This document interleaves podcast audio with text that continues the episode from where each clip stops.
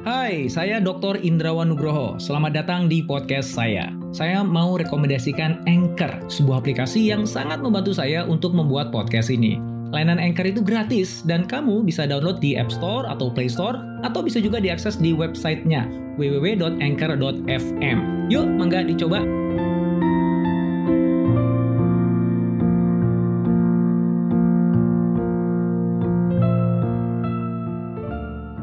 Saya selalu mengatakan bahwa inovasi itu adalah sebuah organized chaos.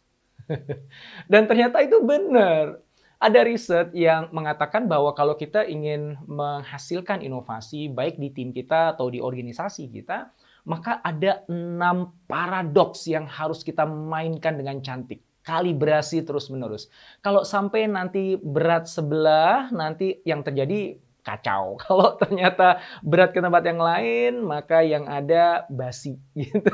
Nah, apa itu yang menjadi enam paradoks inovasi yang harus kita dengan cantik mainkan di dalam tim dan organisasi kita agar supaya inovasi itu benar-benar muncul dengan indah dan masif di organisasi atau tim kita, kita cari tahu.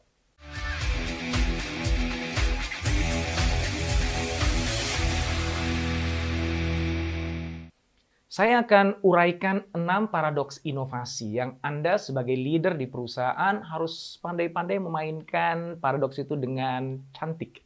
Ya. Yang pertama adalah kita sebagai leader harus bisa memberikan afirmasi kepada individu, namun di saat yang sama juga kepada kelompok. Ada kalanya kita mengapresiasi, men-challenge, menekankan pada pentingnya peran seorang individu di dalam kelompok, ada kalanya kita mengapresiasi, mengafirmasi sumbangsih kontribusi dari kelompok secara umum. Nah, ini yang pertama. Yang kedua adalah ada kalanya kita harus mensupport, ada kalanya kita harus mengkonfront. Support maknanya kita buat mereka tahu bahwa kita ada di samping mereka, kita ada di belakang mereka, kita akan selalu ada ketika mereka membutuhkan, bahwa kita nggak akan membiarkan mereka jatuh salah tapi ada kalanya kita juga harus men-challenge mereka. Kita harus menunjukkan kepada mereka bahwa mereka itu salah. Bahwa mereka itu masih jauh dari harapan. Dikonfrontasi gitu. Ya, nggak, nggak harus selalu seolah-olah jadi teman yang selalu ada. Tapi ada kalanya kita menjadi pihak yang memang menantang mereka gitu. Nah, itu adalah paradoks yang kedua.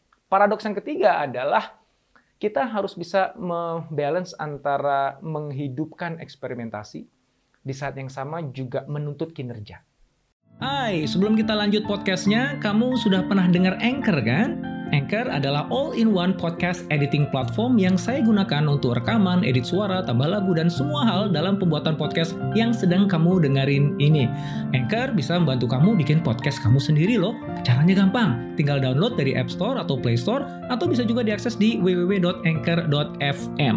Download Anchor sekarang ya, dan kita tahu ya bahwa dua ini kan bertolak belakang. Eksperimentasi itu biasanya berujung kepada gagal. Namanya juga eksperimen. Ya, kalau selalu benar bukan eksperimen, itu namanya best practice.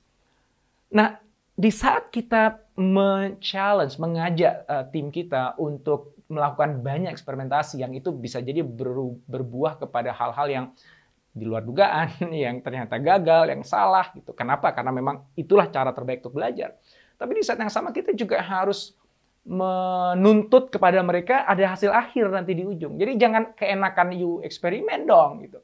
Harus ada hasil akhirnya, harus ada kinerja real, ada value real yang Anda bisa sumbangsi kepada perusahaan gitu. Nah, paradoks yang keempat adalah promoting improvisations and structure. Kita ngajak mereka untuk udahlah, jangan terlalu lama berpikir, jalanin aja dulu, nanti sambil jalan kita pikirin lah solusi terbaiknya kayak gimana, eh, jalan yang paling mudah itu yang seperti apa. Tapi di saat yang sama kita juga ngajak mereka buat perencanaan. Harus clear itu milestone-nya, dudukannya, peran-perannya, ada struktur yang jelas di situ. Nah, kemudian paradoks yang kelima adalah menunjukkan kesabaran, tapi di saat yang sama juga menunjukkan keterdesakan gitu.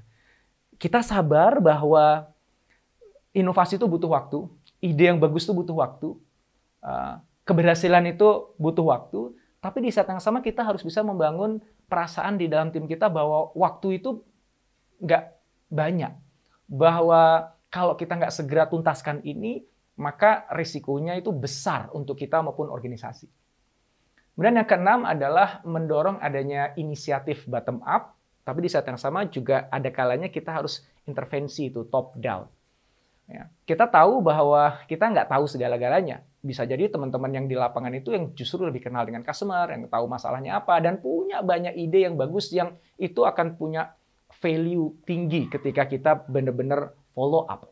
Tapi di saat yang sama kita juga nggak bisa hanya duduk di belakang atau di samping menunggu ide-ide mereka yang datang dan kita tinggal tangkepin aja. Ada kalanya kita harus intervensi. Ada kalanya kita harus memberikan arahan yang jelas. Ada kalanya uh, kita harus uh, nyubit atau uh, bahkan uh, secara clear menunjukkan ini nih yang kita inginkan. Nah, ini adalah enam paradoks inovasi yang sebagai leader kita harus bisa mainkan keduanya dengan baik. Kalau seandainya kita nggak sanggup dan ternyata kita hanya uh, memainkan yang sisi sebelah kanan aja, ya kita fokusnya pada grup, kita sering konfront, kita performance, kita hanya structure, maka yang terjadi adalah kita nggak pernah benar-benar melejitkan potensi jenius dari tim kita dalam melahirkan inovasi-inovasi baru. Ya. Uh, sementara kalau kita fokusnya itu terlalu yang sebelah kiri, maka ide itu banyak, gitu. gagasan itu bertebaran di mana-mana, tapi bisa jadi nggak ada satupun dari itu yang benar-benar akhirnya mewujud menjadi kenyataan dan benar-benar memberikan value kepada si pelanggan. Dan bahkan yang ada chaos nantinya, nggak teratur. Maka sekali lagi sebagai leader, tujuan kita adalah kita harus uh, mengambil peran dan posisi yang memang senantiasa bisa menimbulkan semangat kolaborasi, eksperimentasi, dan juga integrasi yang memang itu diperlukan supaya inovasi itu bisa mewujud. Bukan pekerjaan yang mudah, tapi insya Allah kita bisa.